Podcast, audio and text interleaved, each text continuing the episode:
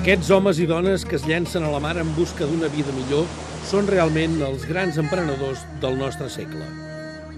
René Otayec, politòleg francès. Aquesta, doncs, és la història d'un noi que tres vegades va intentar arribar a les Canàries. La primera va ser repatriat i la segona va acabar accidentat a la costa africana. I després va intentar-ho una darrera vegada. És, doncs, una història de vida. De forma buscada, en el seu capítol de presentació, Jordi Tomàs posa l'accent en la vida. I no és estrany, malgrat que la presència de la mort, al pescador que volia anar al País dels Blancs, és una constant per raons òbvies. Però a partir d'aquí el llibre traspua vida a través de la veu en primera persona de Patrick Lambal. Cents de gent que ha trucat des d'allà dient que se n'ha sortit i penses, i per què no jo? Creia que anant al País dels Blancs trobaria una vida millor i podria ajudar el meu pare a passar els darrers anys de la seva vida.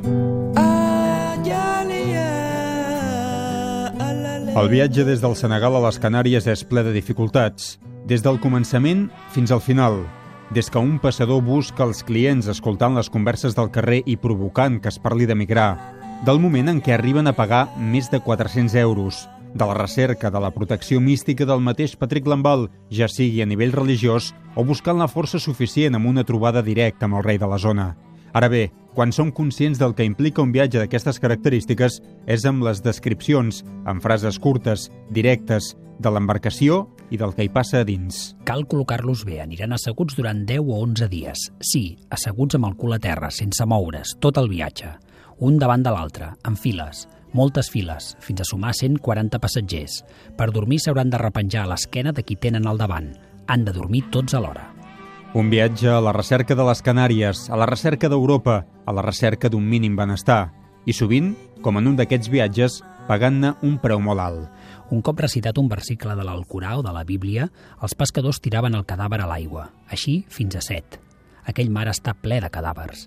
Crec recordar que un dels que van morir no el coneixia ningú. Aquestes set morts per la mateixa malaltia van generar molta inquietud a l'embarcació. Un passatger va dir que allò no podia ser casualitat i que calia trobar el responsable d'aquelles defuncions. Això provocarà decisions desmesurades i més morts, i sobretot sensació de cansament i d'angoixa, malgrat que Patrick Lambal evita en tot moment personalitzar massa en el passatge, i és que ell remarca forma part de la tripulació que els ha de portar a terra ferma, tot i que alhora el seu objectiu és comú, d'aquí l'enorme frustració. Un vaixell espanyol de la policia ens va interceptar, sí. L'ànima em va caure als peus. Ens havien pescat. Així és la vida. No es pot fer res contra el destí ni contra la voluntat de Déu. El que passa, passa perquè ha de passar. Havíem arribat a la Gomera, sí. La meva protecció mística havia funcionat en part perquè era viu, però semblava que no havia aconseguit el meu objectiu. Ens havien agafat. Bindandu Maleïem el govern senegalès que deixava que els europeus ens expulsessin. Els maleïem de debò. Com poden tornar-nos al Senegal si aquí no hi ha feina?